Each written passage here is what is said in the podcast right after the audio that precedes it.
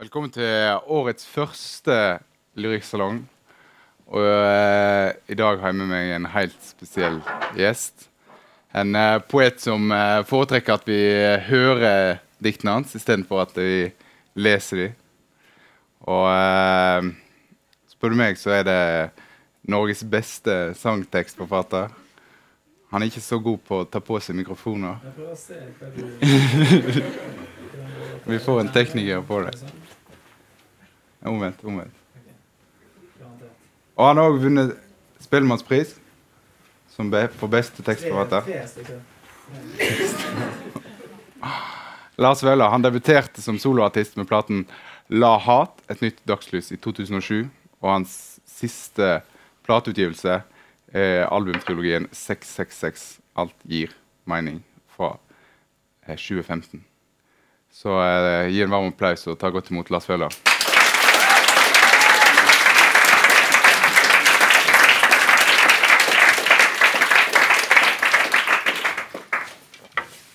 Du er populær mann, Lars. Kult. Ja. Det er sjelden vi har så masse folk her, og det er jo kjekt å, kjekt å se. Det, jeg håper, håper alle som vil inn, fikk seg plass. Eh, og det er sikkert ikke en setting som er helt naturlig for deg heller. Der, eller?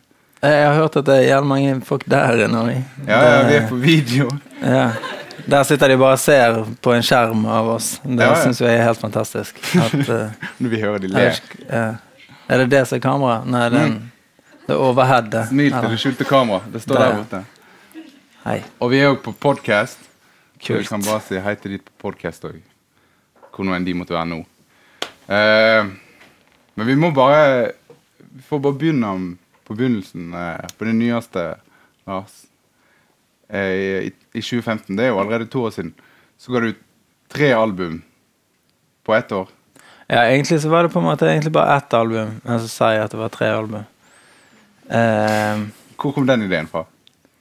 Eh, det var litt eh, at eh, jeg hadde veldig Eller jeg hadde en del låter, og så hørtes det ut som to album, og ikke ett album. Så skjønte jeg at jeg kunne lage eh, to plater med seks låter. Men eh, for at det skulle bli 666, så måtte jeg ha seks låter til. Så det jeg gjorde, var egentlig at jeg, at jeg sa at jeg skulle lage en triologi. Eh, med seks låter hver. Og så hørtes det ut som en skikkelig god idé når jeg ga ut de første to skivene. Men så måtte jeg lage den siste platen. Eh, og da Ja, det var egentlig der det raknet litt sånn sammen. Eh, Iallfall sånn eh, Ja, personlig for meg. Ja, men det betyr at du er den eh, er, den, er du ikke så fornøyd med den siste plata? Nei. For den er jo noe helt For det, det som er interessant, i hvert fall i, i vårt perspektiv her, er jo at de, eh, de tre platene er jo Det er liksom tre forskjellige eh, Lars Vaular vi treffer. Eh, og en, den, den, vi kan ta liksom Vi kan Det er sånn to ganske bra, og så én ikke så bra. Det, den, første, den første plata er veldig sånn tydelig, litt sånn hard gate Det er liksom rappmusikk, da. Ja, ja. Det er liksom rappmusikkplaten min. Eller av de tre. Eh, og så den andre blir jo litt mer sånn Mer annen musikk jeg er inspirert av. Og, ja, kanskje litt, litt lenger bak i tid. Og, eh, folk sier jo alltid at det er liksom å- 80-tallsplate. Eh, jeg liker jo ikke akkurat det stempelet, men, men jeg skjønner hva de mener. Fordi at det det er litt mer eh, Ja, det er noen gromme synter og melodier, og, og så spiller det mer på sånn her femininitet som Som eh, var veldig Hva skal jeg si inn på 80-tallet. Ja. Eller altså eh, George Michael, hvil i fred, han eh, At folk ikke visste at han var homo, forteller jo bare litt om 80-tallet. Eller liksom at uh, han var hvis du ser intervjuet med ham, så er det veldig tydelig at han, han var kanskje litt litt hver spenstig i klesstilen. Men det var jo bare sånn 80-tallet var. Og det likte jeg veldig Eller populærkulturelle 80-tallet. Det, det, det har alltid vært jævlig hjertet mitt. Som, så så denne andre 666-platen er på en måte inspirert av mye sånne ting. Eller Vent, men Litt- var det liksom tanken å lage? Uh, for det, det virker jo som vi skal, når, vi snak, når, jeg, når jeg går gjennom platen din, at du, hele tida går Eller beveger deg mellom to ytterpunkter. da Så her er det liksom Er det den harde macho-rapperen, og så er det den eh, ømme 80-tallssynten. Altså, du tenkte bevisst at du skulle ha to liksom vidt forskjellige Eh, altså Dette er jo bare hva låter du velger å presentere i en, i liksom en rekkefølge. Ja. Så, eh, så ja, det, det ble jo litt sånn at hva som eh, Mest egentlig hva som sonisk eller lydmessig passer sammen. Mm. Eh, men det er jo òg Eller da ender jo ofte de der ømme låtene på på én side av, eh, av uh, skalaen, og så, og så har du de her mer rappete låtene på den første platen. Men eh, Men det har alltid vært en sånn der eh, ting jeg syns var veldig Eller de artistene som jeg liker av rappere, har gjerne hatt liksom en sånn sterk dualitet i karakteren sin, som eksempel Tupac, som har sanger som eh, Eh, som han er på en måte Eller liksom Han blir kritisert for å være kvinnefiendtlig, og liksom Han har sanger, 'I wonder why they call you bitch', og liksom eh, liksom og bare Ja, det er liksom G's up, house down, og, og eh, mye bra sånn gangstergreier. Men, eh, men han har òg sanger som 'Dear Mama' og uh, 'Hold Your Head Up', som er en uh, pro-abort-låt i disse uh, I disse tider, holdt jeg på å si. Jeg må jo da kunne sitere Topak på eh, eh, det, and, since a, and since a man can't make one, he has no right to tell a woman when and where to create one. Altså, Det er Topak, liksom. Han er den samme som, eh, som sa noe superdrøyt eh, to år etterpå. liksom. Og den dualiteten i han, der han på en måte går fra å- å liksom tale kvinnenes sak og, og på en måte lage sanger der han, som er til moren hans, liksom, der han på en måte gir eh, kvinneskikkelser i sitt liv veldig mye god, eh, gode ord og, og gode sanger, så kan han seinere òg bare lage eh, noen superaggressive sanger som, som på en måte høres ut som det ikke er han samme fyren som har lagd det. Og det, den dualiteten er på en måte noe jeg eh, alltid har liksom vært fascinert av og blitt inspirert av. Fordi at eh, Ja, jeg, jeg Jeg har jo på en måte kommet her for å lage sanger, og hvis du, du har ikke lyst til å lage den samme sangen hver dag, liksom. Så Mm. da må du finne nye ting, og, eller finne forskjellige sider av, av jo det samme. eh, på Uten at jeg er den som mest bevandrer i rapp, altså, men det er jo er det ikke en del av den eh, macho-rapperen, det der med å ha liksom My Mama og ha den der morsomsorgen, eller Ja, det- er jo på grunn, Eller det er veldig mye på grunn av at uh, eh, mye av de her rapperne fra USA, så er, er det en sånn der uh, Kvinner er enten hore eller madonna. Det er veldig sånn svart-hvitt greie. Uh, og, og der har jo jeg et sånn kjempe stort lerret å kunne fylle, fordi at jeg har ikke helt det samme utgangspunktet. Så jeg er mer sånn at jeg kan utforske liksom mine feminine sider i Eller liksom Jeg, har mye å gå på der, liksom. ja, ja. ja, nei, for jeg, for jeg tenker det er jo ikke den eh, Selv om liksom Ja, hvis den, den første alt-Plato Selv om det liksom er den harde macho-Plato, så er jo Altså, Mor di dukker jo opp der. Og, Men det er jo altså, så macho, eller? Det er jo det, bare det, er det som liksom- er poenget mitt. da Altså det Musikken gjør Eller Jeg føler Jeg prøver- jeg er ganske egentlig på en jevn linje hele tiden. Ja, ja. Det er jo bare hvordan du pakker det inn. Så når jeg har pakket det inn at dette er den platen, den høres sånn ut. Dette er dette, det høres sånn ut. ja. Men du må jo Men for meg så er jo Jeg gjør jo hele tiden um, Jeg lager jo de sangene hele tiden. Ja. Så, så det er jo en forskjell på hva jeg driver og jobber med og skriver eh, i noe, og hva som egentlig sånn her kommer ut som det du ser Mm. som liksom eh, Hva skal jeg si eh, produktet, da. på en måte. Ja, for jeg tenker Du gjør oss i hvert fall, vi som hører på det, blir veldig oppmerksom på at det er to, eh, to Lars Vellere, Eller det føles veldig sånn når de stiller de opp mot hverandre, de to platene, når de kommer samtidig. Ja, men alle er jo ikke Altså, det er jo ikke alle dager du er Du er Lars Vaular. Nei, det, er svært få dager.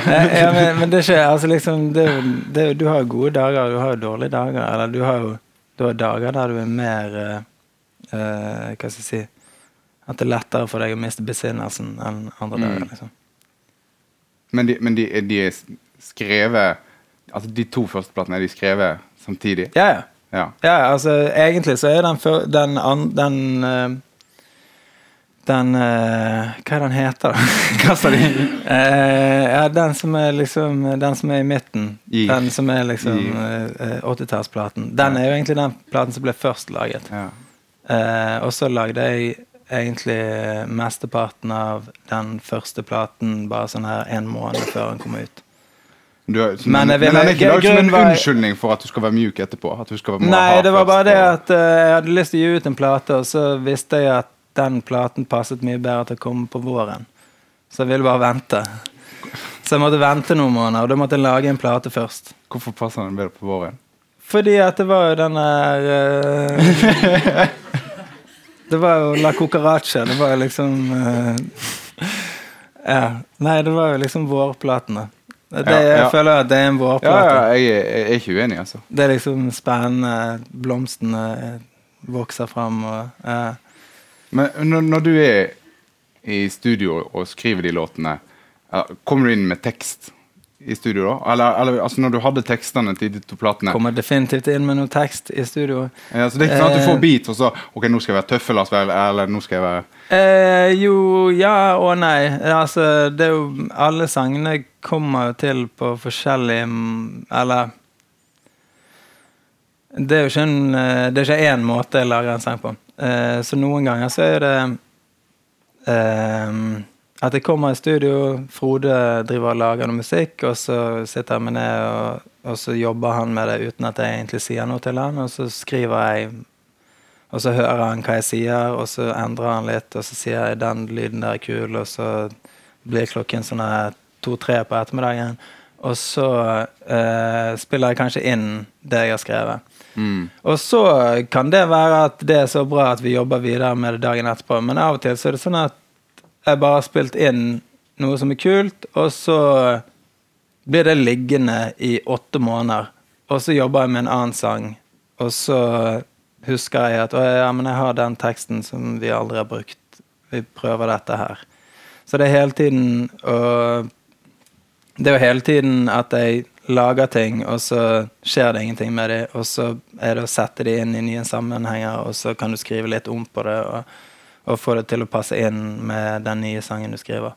Så det er egentlig bare en sånn her kjempelang prosess der du ikke gir opp på gamle Eller egentlig at du hele tiden gir opp på, Ja, på ting du jobber med, og så tar du det tilbake igjen etterpå. Eh, og på Ja, hva skal jeg si eh, Kutter det til, liksom. Ja. For, slu, for sluttproduktet, i hvert fall på den siste plata, virker jo liksom som en veldig sånn klar konstruksjon. Eller det virker veldig som du har starta et sted og visst hvor du skulle. da. Altså Det er dette med eh, f.eks. kjønnsroller som skal eh, Her skal vi utforske det, men prosessen er en helt annen. Eh, Ja. ja. Altså Men det er jo Det har noe med at jeg er jævlig opptatt av kontekst, så jeg vet at ting betyr plutselig mer eh, hvis du setter det i en eller annen kontekst. Altså ting, ting kan bety plutselig noe helt annet hvis du setter det i en annen kontekst. Så hvis jeg hadde f.eks. bare gitt ut én pla plate med alle de låtene, så hadde de kanskje Eller hadde folk kanskje tenkt at det bare var jævlig sprikende og ikke ga At det, alt ga ingen mening, på en måte. Eh, men nå når jeg har liksom sagt at alt gir mening, så tenker jo folk at å, shit, det gir mer mening. Så det er jo en viss sånn hjernevask inne i bildet. ja. Men det er jo, men eh, det er jo en annen ting. Jeg føler liksom at uttrykket mitt er, det er over veldig mange stoler. Um, og og eh, og Faen, faen var det jeg skulle si? det? Ja. og Jeg hadde et kjempepoeng, men det forsvant. For jeg Bare skulle komme, Jeg skulle være morsom. morsom. Altså, ja. mm. Nei, men at eh, At eh, jeg jobber med kontekst, og det er veldig mange ting som spiller inn, liksom. Mm. Det, um, det er jo veldig avgjørende for oss. Det jeg spiller jo både med uh, Jeg spiller jo òg med en eller annen sånn der Medieskapt bilde av hvem jeg er. Og der har du plutselig en helt ny verden å leke med. ja, kan du si det- noe mer om det? Altså, Nei, det er jo Altså Folk tror jo på hva som helst, egentlig. Så det, du har jo plutselig en kjempelerret å, å fylle med, med ditt og datt. ja, for, du, for du bruker jo eh, Det har du gjort hele veien. Altså referanser til ditt eget liv og kompisene dine og steder.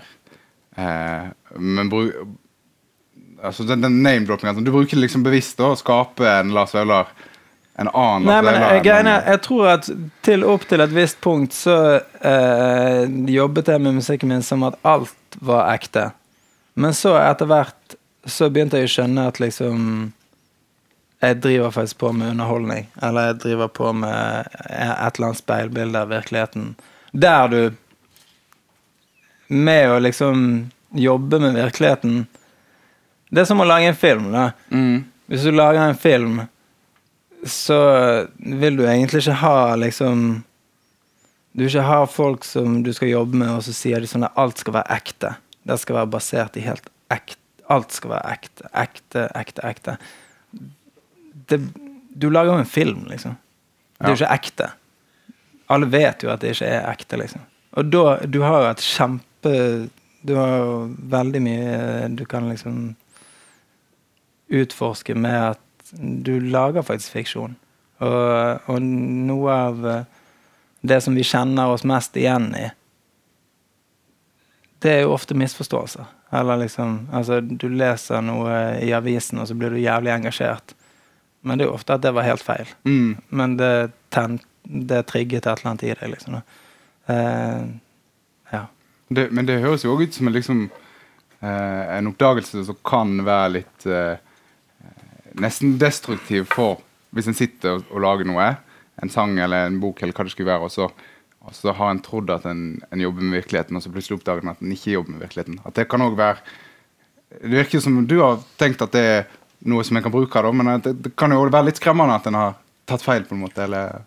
Jeg skjønte ikke det. Nei. Nei, men du, du sa før, tidligere at du trodde at alt var, alt var ekte, sant? og så plutselig oppdager Ja, men alt var jo ekte. Eller alt Men, eh, vet, Eller har noe med hvor men du det er litt kom, sånn liksom? hva historie du vil fortelle. Jeg kunne fortalt den samme historien 100 ganger. Mm. Men, men nå Ja. Jeg prøver ikke å fortelle den samme historien 100 ganger. liksom. Så kom jo den tredje plata i den trilogien, da. Som er den som, den som du sa ikke var planlagt. Ja, ja. Eller dårlig planlagt. Han var Ja. planlagt.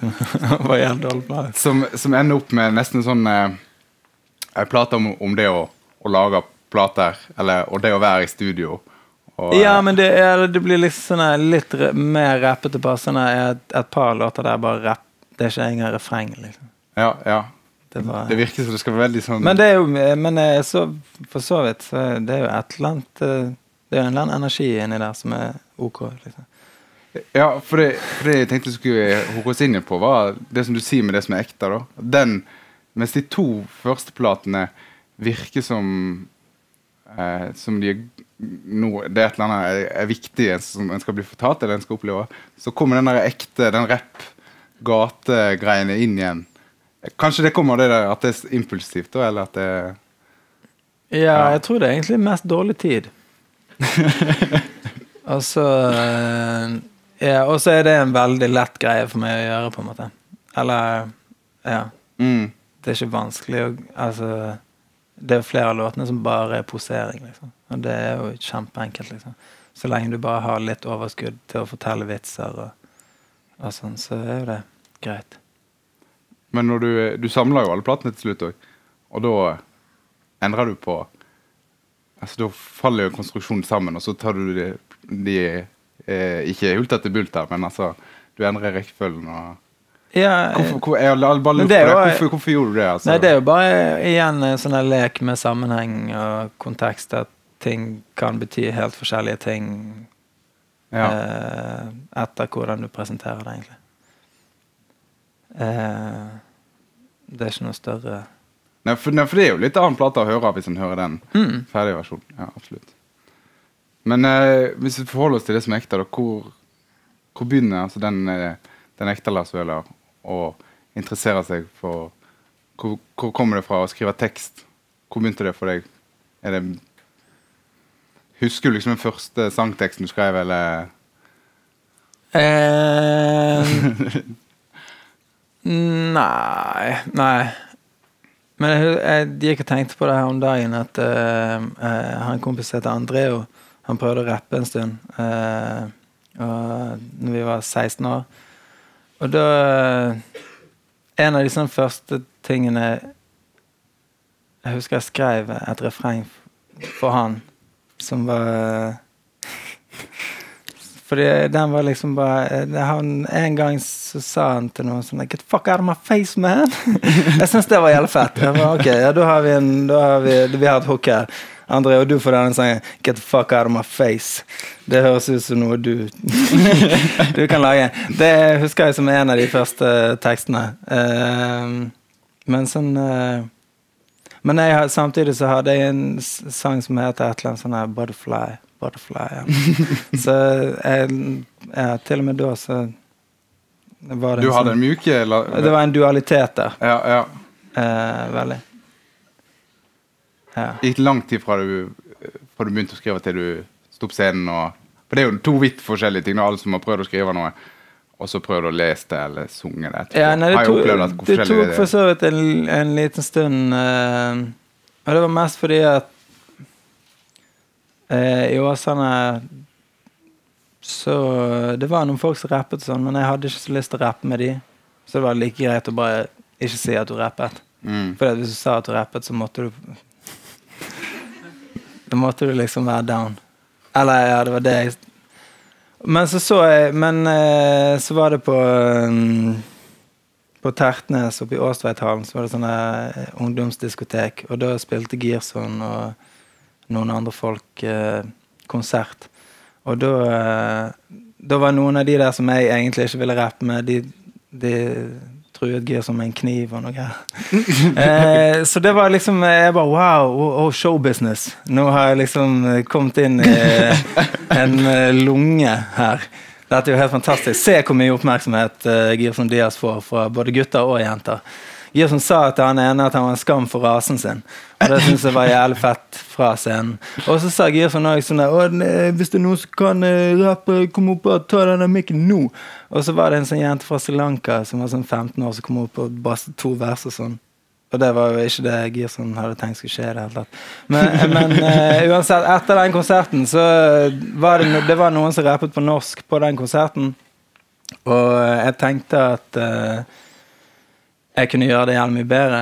Så da begynte jeg å skrive tekster på norsk. Det var i sånn desember eh, i 99 eller 98 eller noe sånt. Og så eh, hadde jeg fått Petter sin andre skive, eh, som jeg hørte på, så skrev jeg liksom sånn tekster etter, etter de sangene hans, egentlig. Skrev med norske sanger, men jeg sa det til ingen. Og så etter hvert så ble jeg kjent med jeg begynte på skole på øh, Åsane gymnas, eller videregående, eller hva det heter. Eh, og så eh, ble jeg kjent med noen fra Eidsvåg som hadde en hjemme alene-fest. Og da ble jeg kjent med Girson på denne festen. Og så, eh, og Det var etter du hadde sett han Ja, det Ja. var sånn et år etterpå. Ja. Og da visste jo jeg på en måte at ok, det, han her er the dude, liksom. Jeg må være der med han. Eh, og han viste meg Nelly Nelly hadde kommet Jeg, jeg vet faen om dere vet hvem eh, ja. Men eh, var, eh, Nelly var jævlig hot, og det var ikke noe kult å like Nelly. Men Gilson likte Nelly, så det syns jeg var jævlig tøft. Eh, og så tok han meg med til et sånt studio i eh, på Radøy, på en eller annen sånn folkehøyskole. Der vi liksom lagde vår første demo med, sammen med med Jon Olav og Petter Beyer, Mike T og resten av Freakshow. Og så derifra så på en måte begynte vi liksom å gjøre ting sammen. Og da begynte jeg å Og etter hvert etter det så begynte vi å spille konserter, jeg og Girson. Spilte på Ny-Kronborg skole. Det var min debut på scenen. Ny-Kronborg skole. Med eh, vår alles eh, kjære Erik Bye, jeg mener Leo Ajkic, eh, som primus motor for arrangementet. hvordan, hvordan opplevde du den, den første konsertopplevelsen? Det var dope. Det, Du var hooked med en gang? Ja Jeg var liksom hypeman til Girson. Noe som uh, høres sinnssykt bakvendt ut. Hypeman? Hype man? Hypeman. Jeg skal liksom lage liv for Girson. Eh, og det greide jo han fint på egen hånd. Men eh, Men ja, nei, det var Damen til Girson sa jeg var jævlig bra og sånn. Så jeg følte det var jævlig Ja, det var oppsi. Men det, det var, for når du først begynte, så var det viktig det med å ha For da var jo du i freakshow, sant? Og som et Ikke først. Først var det bare meg Girson som rappet. Ja. Men så flyttet han til Spania. Og da eh, Da var det bare oss igjen. ja. Og så eh, De hadde egentlig De hadde egentlig eh, Freakshow hadde De hadde sluttet. De hadde lagt opp. Og så var det stille i sånn to måneder. Og så hørte jeg et rykte om at kanskje de ikke hadde De hadde ikke gitt seg. Og så ba de meg møte de på toppen av parkeringshuset på eh, bystasjonen. Og da sto alle der. Jon Olav sto liksom der borte. Mike, Petter, Fernando. Så skjønte Oh, shit. Dere har ikke Dere har ikke lagt opp. Da, eh, så da skulle de ha en gig i Oslo. Og så, og så eh, var vel egentlig Leo som på en måte snakket meg inn i at jeg, måtte på en måte være med på dette. For han er alltid en sånn der fyr som ja, vi må alle, alle må være sammen. Vi må, eh, alle må liksom Han bare tar armene sine rundt oss. Eh, så da dro vi til Oslo og spilte vår første konsert. Som òg var den første Vi spilte på sånne julebord for eh, norsk hiphop eh, på Rockefeller. Der eh, Carpe Diem gjorde sin uh, debutkonsert. Så oh. ja, det var ganske legendary. De hadde noen sånne elendige sanger, og vi gjorde kjempenarr av dem. Men, eh, men eh, ja, ja. Men dere gjorde det Nå er de der. Ja, ja. ja, ja, du er her, da.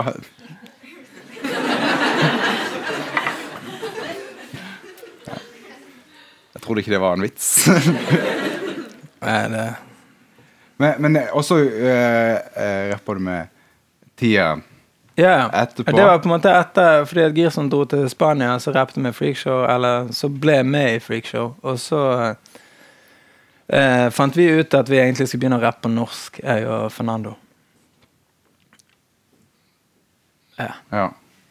Men det må, det må jo være noe annet, liksom det å, å være i en sånn kul gjeng, og så stå aleine etterpå. Eller hva som gjorde at du Du valgte jo Du gikk til slutt solo. Eller var det tenkt bare som et sånn sidesprang, eller Nei, nei, greien var at eh, jeg og Fernando vi, mm, vi måtte lage vår musikk, og så eh, skjedde et eller annet. Eh,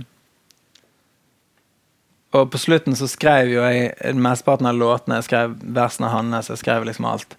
Eh, så på slutten der så eh, skjønte jeg at istedenfor å prøve å skrive hans liv, så kan jeg bare bruke all tid på å skrive mitt liv. liksom. Og så fikk jeg en sånn her beat eh, eh, som eh, var 'Jeg er fra Bergen'-beaten. Og den kunne han aldri være med på. Så det var òg liksom sånn her Du kan ikke være med på det her. Nå er det meg.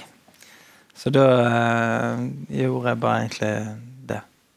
Men vi en, Eller på den tiden så fikk jo vi vårt eget studio. og eh, holdt på jævlig mye der, så jeg gjorde jo veldig mye på egen hånd. Og spilte inn meg sjøl og eh, var veldig aktiv. Så, så det var egentlig bare helt naturlig at jeg begynte å, Det bare å gi gi seg, ut tvang seg fram nesten, liksom. Den La Hat-plata, da, eller? Det som skulle bli det? Ja, ja, det høres jo veldig voldelig ut at det tvang seg fram. men, men eh, ja, nei, ja. Det ble Ja. til, liksom. Og den òg er jo veldig sånn eh, Tar veldig mange elementer fra Eller sånn som jeg tenker, i hvert fall fra amerikansk rap. Det der med eh, Du snakket om posering, ikke sant? Og, og stedet Bergen og eh, Men jeg tror aldri at jeg på en måte vurderte at det var noen form for posering i det hele tatt. Nei. At tenker du nå, da?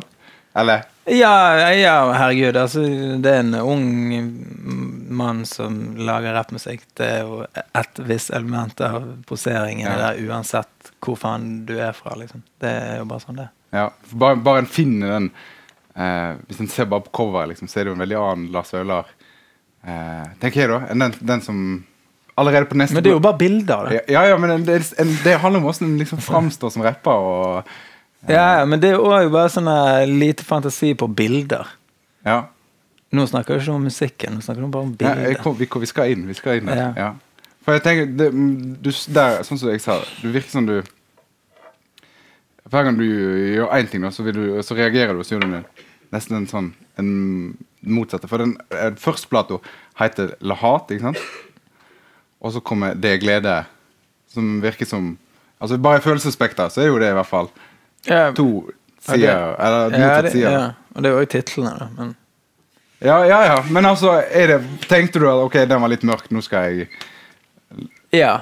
Men det er jo litt sånn jeg vet, jeg vet ikke hvor mye gimmick det er, liksom. Men du lager, altså, du lager liksom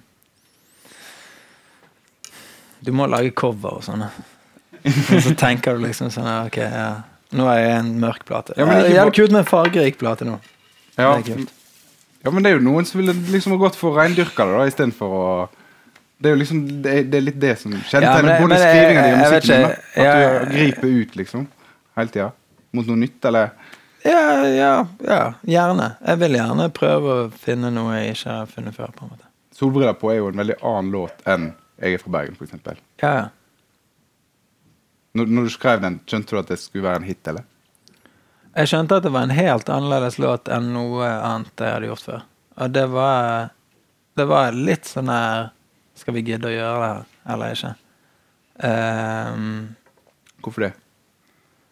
for det var så annerledes. Eller liksom Før det så hadde jeg på en måte bare lagd rappmusikk, men dette var liksom La oss være helt ærlige, låten høres ikke så jævlig bra ut. Men han er, men han er, men han er vanvittig effektfull.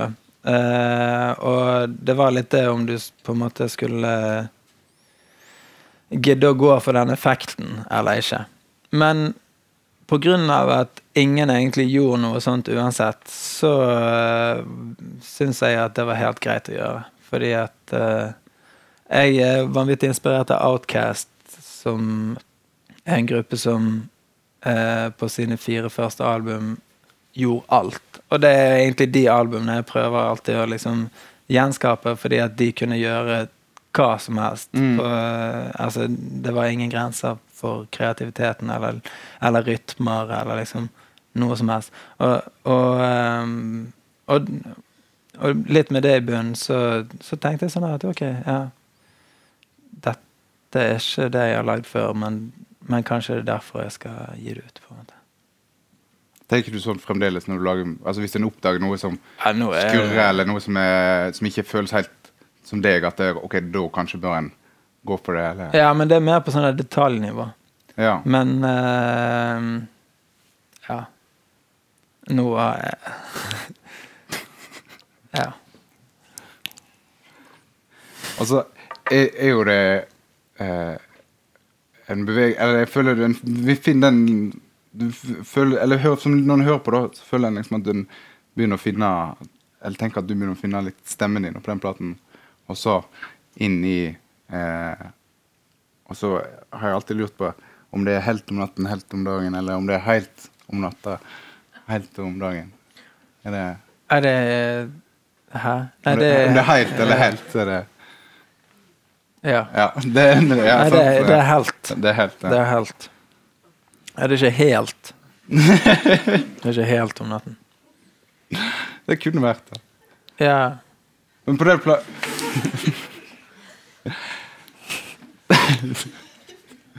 Og den plata så er det jo eh, I hvert fall I forhold til det som du sa med at det skulle være ekte, sånn, så er det jo eh, en av de første låtene på den plata er nesten en sånn eh, manifest for hvordan en skal lage rapp. Den, Tenk på den sangen som heter 'Lille rapper', der du forteller åssen rapp skal være.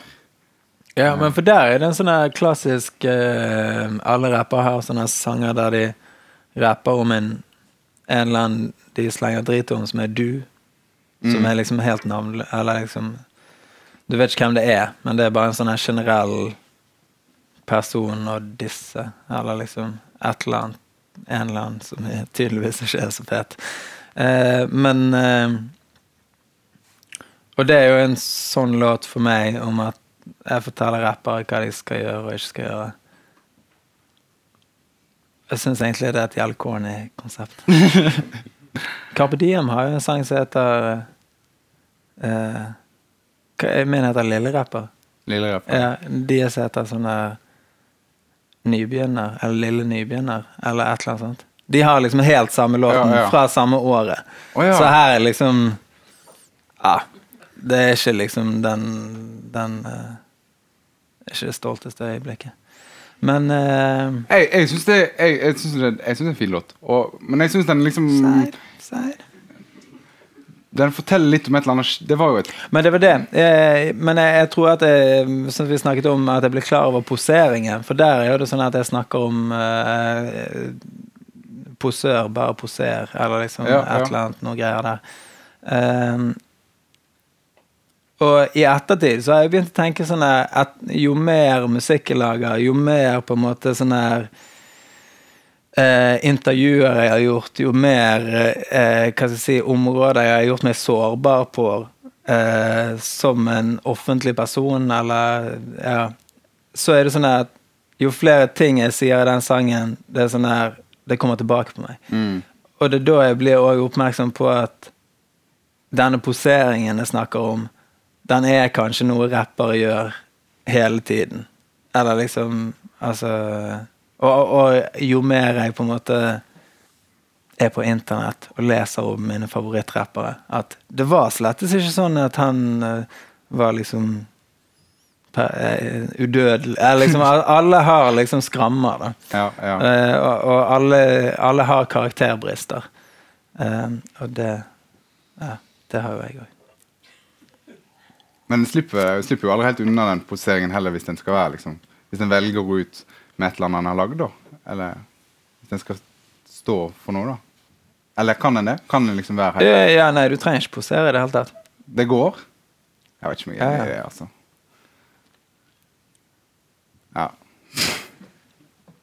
Men eh, det som jeg tenkte, i hvert fall det For oss som både er og måtte ha vært litt utenfor rappmiljøet, så var jo det en periode når rap, norsk rap ikke var så kult, liksom. At det var Det virker veldig sånn gimmick-aktig. At vi liksom bare Vi, vi hermer etter, etter det som ble gjort i USA, eller noe sånt. Og så, og, og så følte en det ikke helt. Og så føler jeg at den sangen eh, godt liksom oppsummerer det skiftet, da. Der det er liksom en, må en, Det jeg ønsker om å være ekte, da, det er det som plutselig gjorde, i hvert fall for meg, da, at eh, norsk rapp begynte å være interessant. Og bare det at en begynner å rappe på norsk. Sant? Så sikkert det ble gjort lenge eh, i miljøet, men som kanskje ikke når ut til de som ikke sitter og hører på rapp. Og så, og så ja, Jeg syns den passer så bra, for det, det Det virker som det dere prøver på, da. Være ekte. Uh, ja, jeg ville bare si det, da. Du, Det setter jeg stor pris på. Jeg synes det var et kjempefint kompliment. Men jeg, du dyrker det sånn på den plata, da. Uh, og spesielt på den sangen som jeg kanskje husker Eller liker best på den plata, som er den siste låta, som heter 'Julaften'. Eh, der du liksom inviterer oss inn til det som eh, eh, Først så tenker jeg når det er helt ekte julaften, og du slutter å rappe, og så begynner du å holde en tale istedenfor først bare Hvor kom den ideen fra? Ja, for Der er et godt eksempel på liksom at du iscenesetter virkeligheten, og så føles det det føles jo utrolig at at, du er der. men men det, det er jo igjen Der lager jeg en liten film, liksom. Mm. Men, men eh, Og der er, det er jo skuespill. Men det er jo òg kanskje noe av det mest ekte. Eller liksom på hele platen, liksom. sånn Ja, det er jo det. Og det Det føles i hvert fall som et veldig intimt og ømt øyeblikk som jeg får lov å ta del i. Mm. men samtidig så er totalt iscenesatt. Ja, og så er det vel sånn Jeg kunne kanskje ikke holdt den talen på julaften hjemme, eller? Nei. Nei, sant? Jeg hadde, nei, jeg hadde sikkert ikke gjort det. Så det, ja, noen ganger så, så er det jo sånn at jeg kan være mer Nå har vi snakket litt om posering, sånn, men det virker som en kan være mer ekte når han er falsk plutselig, da. At det, for den er jo Eller du kan godt si du kan, Hvis du kan godt ta meg på det og si at det, det er ikke sant, det som blir sagt i den talen. Liksom. Det føles som Jo, det er som, skje- men, som om- men har det skjedd? Eller liksom, Ja, poenget er altså- det har jo ikke skjedd. det, Ja, men det kunne ikke skjedd. men det kan skjedd. skje, Eller, ja. altså, ja, ja. ja. Jo. Jeg, jeg tror vi er Skjønner jeg enige. Det, veldig, det viser noe veldig fint med det å lage kunst. da Om en lager rapp eller skriver dikt eller hva det skulle være. da At, en, at plutselig kan en være mer ekte eller mer ærlig enn det en kunne vært. liksom Der en tenker at en er ærlig. det jeg syns er så rart, er at det er på en måte På grunn av at det er rappmusikk, så er det som om det er liksom utrolig oppsiktsvekkende.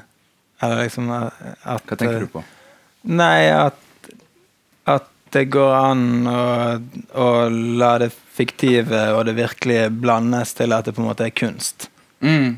I rappmusikk. Eller liksom rappmusikk blir ofte vurdert som at enten så er det ekte, eller så er det liksom wack. Liksom. Men det er litt sånn intern med, i rappmiljøet, er det ikke? Nei, ja, der òg, men, men folk leter jo alltid etter hva som er ekte, liksom. Ja. Du spiller jo litt på det når en liksom Ja, ja, ja, det er jo, det, det er jo mye eh, Så klart. Ja. Det er jo der, eller. Det er jo innfallsvinkelen min nå, ja. etter hvert. Fordi at jeg vil ikke fortelle den samme historien hundre ganger, men nå ser jeg mer på sånn der hva rom det er å fortelle andre historier i, hvis jeg bruker på en måte folks oppfattelse av ditt Eller ja, jeg, jeg vet ikke. Jeg prøver å finne ut av det sjøl, egentlig. Ja, ja. Men det er jo en prosess hele tida å skrive om å skrive låter. Ja. Og det, på, den neste, på neste plata òg, du, 'Du betyr meg', så dyrker du òg den følsomme si og Eller jeg tenkte i hvert fall. Jeg syns den eh, det, det, det Du snakket jo litt om det at eh, du skriver hele tida, og så redigerer en på en måte etterpå, og så gir en ut et produkt som virker ut som det er ferdigkonstruert. Den platen- Ja, men det er ikke alltid det heller. ja, for den plata har jeg tenkt liksom der, og der har du hatt hatt et liksom, prosjekt, ja. og så har det blitt ei plate, men Eh, på den platen så hadde jeg et par sånne regler for hvordan jeg skulle skrive, og det var egentlig at eh, eh, jeg skulle ikke lage noen sanger om å rappe om å rappe, for eksempel. Jeg hadde gjort ferdig med den lille rapper. kanskje det var kortsluttet hele greien. Eh, så jeg ville ikke snakke om liksom rappmusikk, jeg ville ikke snakke om andre rappere, at jeg var flink å rappe. Sånne klassiske liksom sånn rappting. Jeg skulle bare stirre helt under i. Og eh, jeg ban, Jeg tror ikke jeg banner på hele platen. Eh, men jeg sier en del drøye ting, men jeg banner ikke. Eh, og bare et par sånne eh, egentlig regler for at tekstene skulle bli kunne bli sett på som sånn skjønnlitterær Eller jeg, jeg hadde liksom en sånn tanke om at jeg skulle skrive sanger som jeg kunne se teksten, og så skulle jeg like hvordan teksten var satt opp. Det er ikke alle sangene på platen som jeg greide det med, men Men eh, Men jeg prøvde, i hvert fall. ja, for tre av, de, tre av de sangene kom ut som dikt òg i, i den boka, som er en sånn antologi fra Kolon forlag som heter Gruppe 12. Og der Men det er jo bare en kaper at de har spurt Ja, om ja, de kan få det teksten. kan være, Lars. Så jeg har gitt dem noen sanger. Det kan være, Lars, men mitt poeng er at de ser jo ut som Altså For oss som liker dikt, så syns jeg jo de ser Ja, men har, utrolig jo- bra ut. Jeg har jo jobbet med Ja, ja, ja. layout. Det, er- Det er skryt, det her. altså Det er noen timer på layout her. Det er Altså, for du, ja, Ikke ja, kall det en cop-out, da. de. For det, det, ser, det ser jo virkelig fint ut. ser da. like bra ut som de andre sine. Ja, det ser bedre ut. Mm. Er kanskje. Kanskje til og med bedre. Jeg har jo ikke sett på de andre sine, så må aldri si det. Men så virker det jo ja, det kan, Eller jeg, i begynnelsen, eller når jeg gjorde planer dette, så tenkte jeg at så kommer det en reaksjon igjen, sånn sånn som det ofte er hos deg. Eh, jeg føler du, er- du er helt ekte og dyrker det på den plata. Og så kommer den 1001-plata. 1001 hjem, plata etterpå, der en bevisst virker som du forteller andre sine historier. Men det er kanskje en del av det, altså fortsettelsen av det skjønnlitterære, eller Ja, det er egentlig for å ikke lage den samme platen om igjen.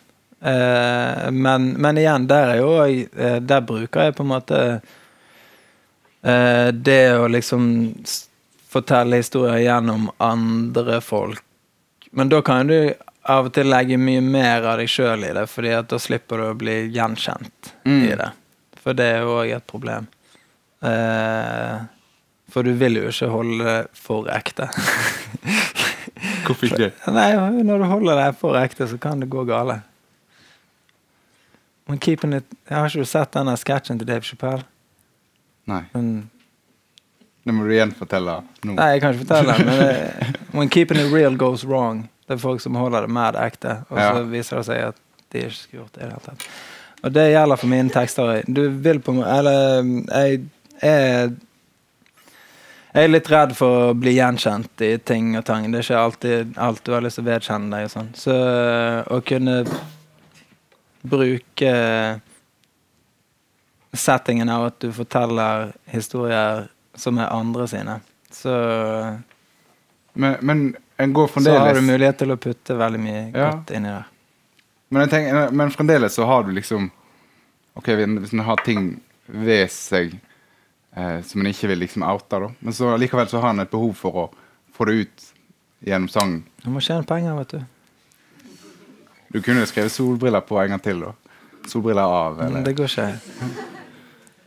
Jeg bare syns det, det, det er litt sånn eh, Det er et interessant sånn kunstnerkompleks, da. At en vil holde ting eh, skjult, og samtidig så vil en ha det ut.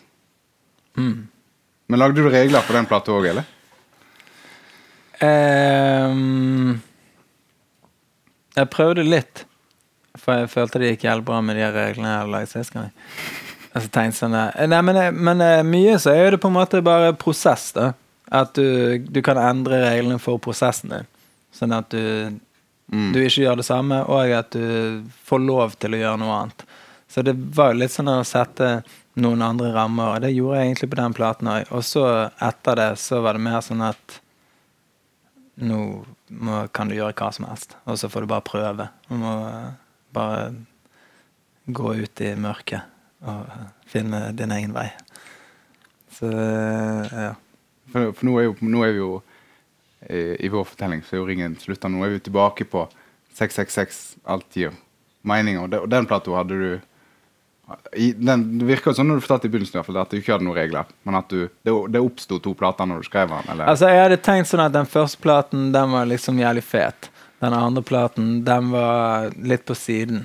Og så tenkte jeg at den tredje platen skulle sånn eh, du stolte veldig på deg sjøl her. Ja, ja, nei, eh, men det er jo sånn du får ting til. Du setter deg liksom noen sånne uoppnåelige mål, og gønner du på etterpå. Men, men eh, jeg tenkte sånn at tredje platen, da skulle du på en måte Nirvana, liksom. Eller sånn. Ja, men sånn at du Wow! Du fikk en sånn eh, helt sjelsettende opplevelse. Men så skjønte jeg i løpet av året at yo, jeg må ha to år til på å gjøre det. Så da måtte jeg bare lage noen mm, sånn rap-låter. Så ja. Og så, men det er de egentlig de kuleste på platene. De, de jeg ikke liker, de på en måte prøver for hardt å si et eller annet. Men uh, ja. Men allikevel så sa du i sted at du er skuffa. Men du er mest skuffa at det ikke ble det som du hadde forestilt deg. For plata var jo, Ja, plata var jo bra, da. ja. ja. Eller det er bare Men ja, ja. Vi, er- jeg ser vi, vi, er, vi har snart snakket en time, og vi skal snakke litt mer. Men jeg tenkte dette er kanskje et bra tidspunkt å, å åpne for spørsmål. Det, siden det var så masse folk her i dag, så tenkte vi at kanskje det er noen i publikum som har noen spørsmål. Ofte så er det jo ikke det, men eh, er det noen i publikum som har noen spørsmål? De kommer bare for å se, vet du det. Jo. Kommer det mer Det kommer en uh, siste episode. En uh, finale. Og vi må, da må vi, for de som ikke eh, er inne i hva ekte mann er for noe, kan du fortelle litt? Det er egentlig bare en nettserie uh, jeg har lagd med et par uh, venner. Uh, som er jeg tar utgangspunkt i meg og mitt liv, men lar ja, fiksjonen og virkeligheten gå litt sånn her på kryss og tvers. Ja, for det, for det, det er en internettserie så lenge det, Nå er det fire episoder, Nå er det fire episoder. og, og det handler om en rapper som heter Lars Det handler om Lars Vøler. Lars Vøler er gift med Malin Kulseth. Men Malin Kulseth, hun eh, Hun bare Hun blir bare presentert som en skikkelse som er på siden av kamera. Som eh, Du får aldri se henne, egentlig. Hun er bare en sånn stemme av fornuft eh, som rakker ned på meg hele tiden. Eh, og jeg møter veldig mye motstand der. Hun eh, eh, hun påpeker med på en måte egentlig med ganske god grunn eh, hva jeg gjør feil, osv. Eh, og så skal jeg ta meg av denne sønnen min. Det er egentlig litt sånn som livet mitt, bare ikke helt sånn som livet mitt.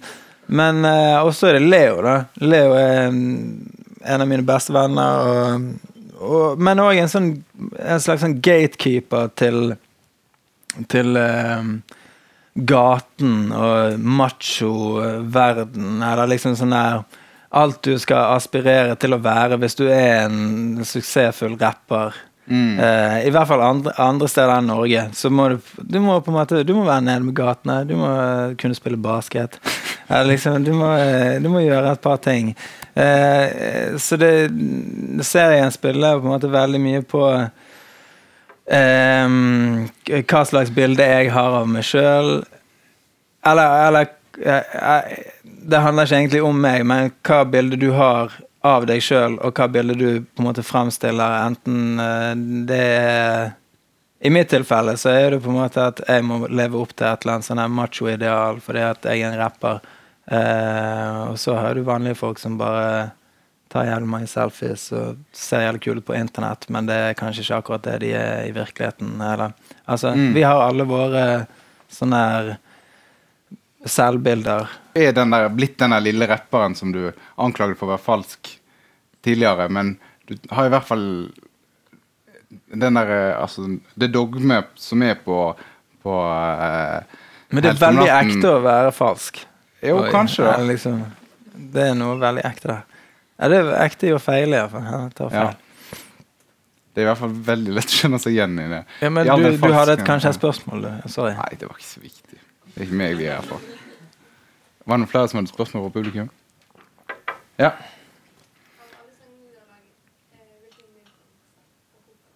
Eh, kan jeg bare gjenta for podkasten sin del? Ja. Ja. Altså Av alle sangene du har, har laga, hva er din favorittsang, og, og hvorfor?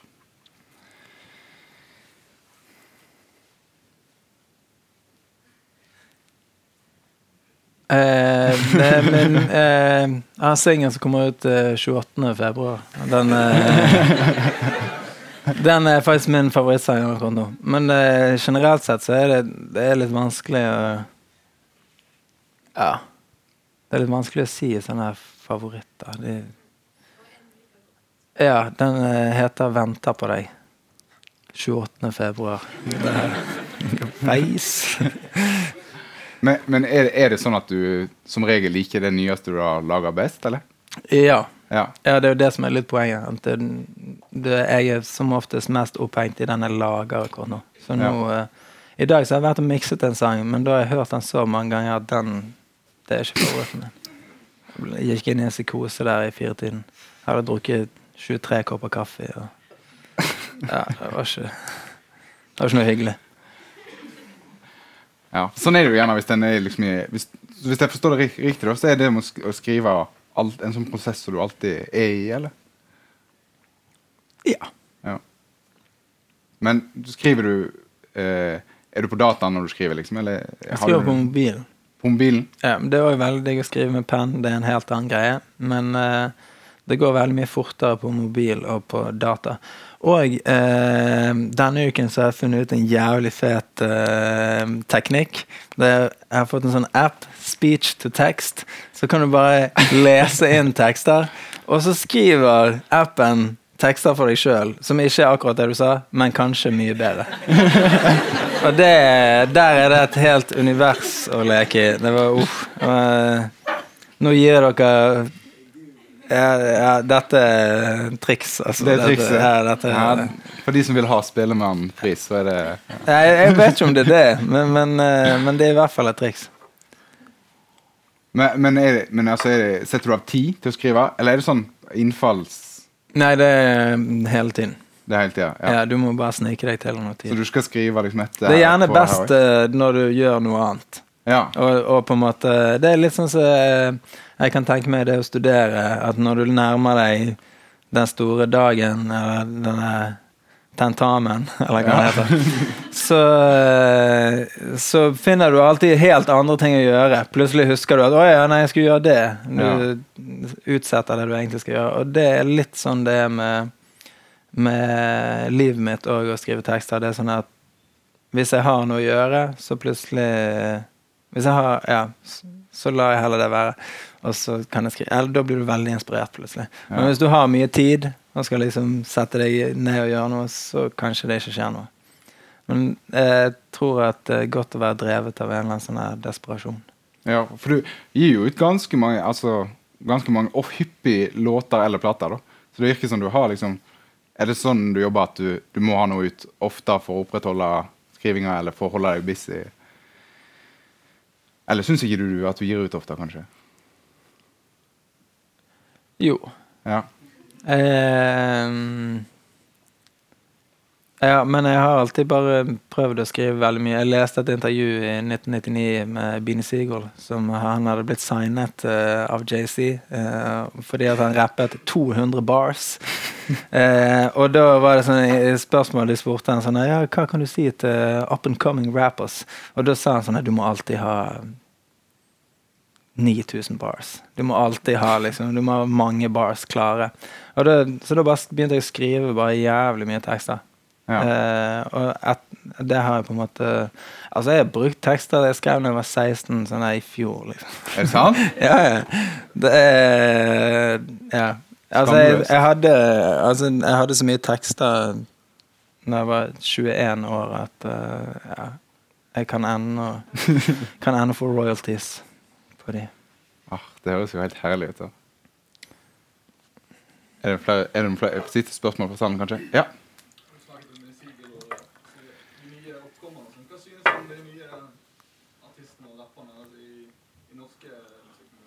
altså, spørsmålet er Hva syns, hva syns du om de nye eh, rapperne eller musikerne? Er Jeg I eh, syns det er vanvittig fett å se alle mulige forskjellige eh, karakterer som dukker opp. Og det eh, I hvert fall fordi at når vi begynte å rappe, så var det var, ing, altså det var liksom spetakkel. Men eh, Men det at det er bare en hel sånn her skog av av bergenske rappere er bare helt fantastisk. Det, og det er forskjellig Det er jo mange som høres litt like ut, men det er òg faktisk veldig mange forskjellige. Så det, jeg syns det er veldig kult. Og sånn i Oslo nå så er det eh, Jeg har på en måte i et par år Det har vært sånn klassisk spørsmål i intervjusituasjonen sånn Hva er det med Bergen? Hvorfor er det så mange rappere derifra? Og sånn. Eh, og jeg har visst lenge at i Oslo så har det gjort veldig mye bra ungdomsarbeid med liksom ungdomsdiskoteker og ungdomsklubber som har studio for kids. Og nå, sånn det neste år, så kommer du til å se det er sånn 17-18-åringer, 19-åringer, 20-åringer eh, fra rundt om i Oslo som er kjempeflinke.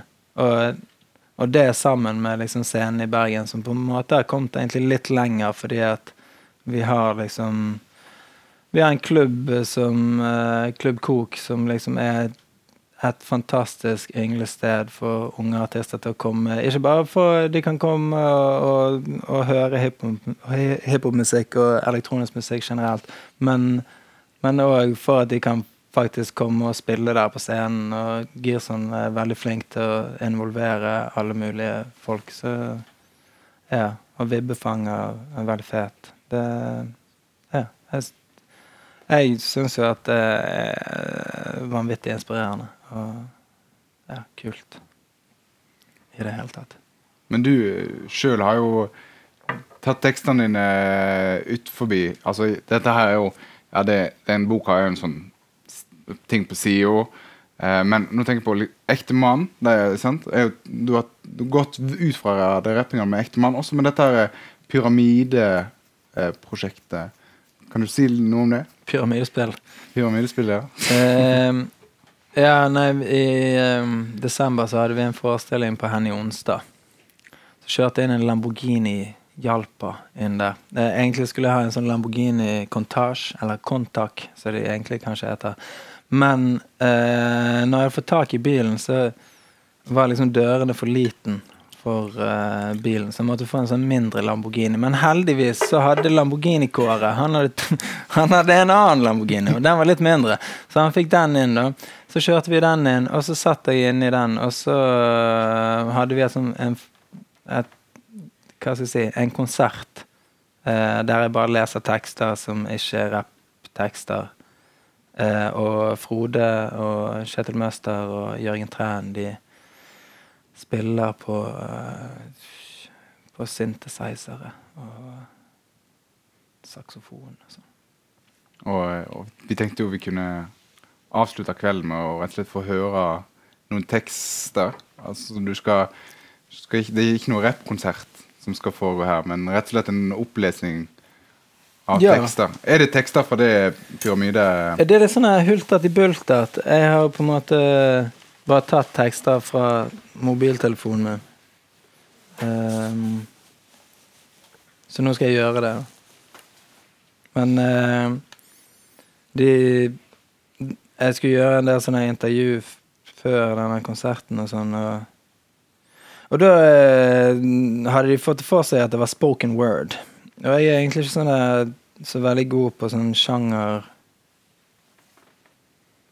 Ja, sjangertrekk og sånn. Men uh, Du, nå må jeg bare finne denne teksten igjen. Ja, men det, Men eh, jeg vet ikke, det er mine tekster, men det er på en måte ikke Det går ikke an å rappe de helt. Men ja. men er det tekster som du ja, har på min side, Hadde du skrevet uansett, eller er det at du tenker, ja, tenker nå at du Har du noen tenkt mot liksom, at du skal gi noe, ut noe som bare er tekst? Du, har, du jobbet jo Du sa jo du jobbet liksom med åssen tekstene sto og sånn. På den eh, Du betyr meg-plata. Kunne du gitt ut noe som en bok, liksom? Kunne du det? Ja, men de her tenker ikke på hvordan de ser ut uh, og sånn i det hele tatt. Her er det egentlig bare en eller annen sånn her flyt. Ja. Men, men han passer ikke på noe sånn Mine beats, egentlig. Uh, men du kan bare sjekke ut det. Bare eh, du er begynner du Ja, klar? det er bare noe Google, Google Drive-greier. OK. Tidsreiser. Hele konseptet er space. Det er ikke alle som tør å si noe om tid og rom. Uansett hva de sier, så blir det dumt. Men jeg er ikke redd for å si noe dumt. Jeg kan si noe dumt. Jeg kan si noe smart òg, jeg. Jeg kan si noe jævlig smart. Men jeg er ikke her for å skryte. Du kan le av dine egne vitser, og så kan jeg le av mine. La oss late som vi filmer det. Led oss ikke inn i reprisene. For vi som har, skal òg forlate våre prinsipper. Hvis klipper er ment å stupe fra, hvorfor tar vi ikke alle og bare kaster både gård og grunn rett på havet? Hvorfor gå på bingo når du kan gå fra konseptene? Det fins forskjellige verdener, og vi herdes hver dag, for hvert sekund som går. Vi klargjøres med diagnoser og analyser. Svarene sier seg sjøl. Hvis du tror at du forstår forskjellen på en ringdong-ding og en ringding-dong, så tro meg, du vet egentlig ikke hva du preiker om. Som en ubetinget dom på papiret er våre oppfatninger bjellesauer. Forskjellige hauger papir skal skufles rundt, og kuer skal drikke vann. Jævlig mye vann. Det gjennomsnittlige barneovergrepsoffer har 6000 ganger større sjanse for å utvikle tung rusavhengighet. Men med det sagt så må du si både ja og nei, for hvis det fins en mellomting, ikke si det for høyt. For du blir misforstått. Svart på hvitt, med veldig stor fallhøyde. Det fins en form for hat vi må ta et dypdykk i. Det er jo sånn vi undersøker. Og det er jo sånn vi understreker. Alt er for jævlig. Total formørkelse. Kun avbrutt av vår egen fortreffelighet. Så la det bli offentliggjort. Vi er her for deg. Alle har tre mennesker inni seg, men ikke alle har to på vei inn. Og det er faktisk ikke sånn at alt som går opp, må komme ned. At alt som går inn, kommer ut igjen. Noe blir igjen i forvirringen.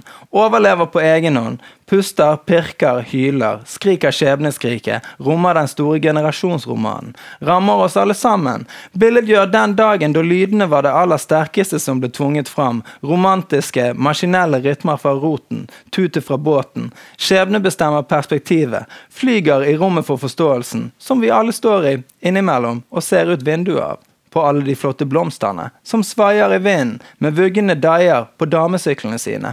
Kanskje vi skal ta en pause, spise matpakkene våre i kantinen, ta en fot i bakken. Vi skal jo òg drikke alkohol, selv om det er grådig dyrt. Men vi er her, for deg, i sentrum. Forståelsens fødested. Lykthuset i verdens fyrtårn. Årvåkne og omtenksomme. Det er jo her de virkelig store diskusjonene tar plass. Smidd frem av de beste hjernene i de fineste tankesmiene. Ingen skal ties i hæl, utenom de som bare snakker om at de skal ties i hæl. Det er her vi ser framover og bakover, møtes på midten og utveksler meninger. Radbrekker statusoppdateringer. Ordner ordninger, løser løsninger, lokker frem lokkemenn, samler oss i flokker for stort og smått, og gjør aldri noe for brått. Før det er for seint, før det virkelig gjelder. Mer enn noen gang. Vi trår til fordi at det er nødvendig. Vi er nødvendige. Vi er viktige. Vi er faktoren som avgjør og tar ordet, akkurat sånn som det skal tas, hardt og myndig, som stryk og fossefall, i verdens beste land, i verdens beste gudsfrie natur. Du verden så synd det er de her stakkarene der nede. Nei, nå koser vi oss. Fra nå av er alt showbusiness. Det fins alltid noen som er interessert i å ta det litt lenger. Jeg hadde egentlig ikke mer på den filen. Takk.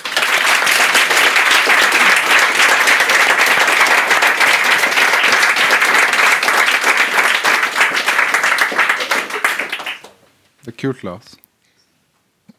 Takk.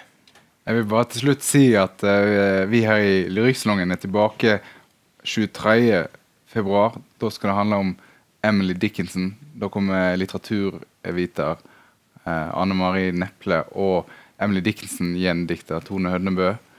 Og Lars han er tilbake 19. Eh, august på en større scene enn dette, tror du eller ei.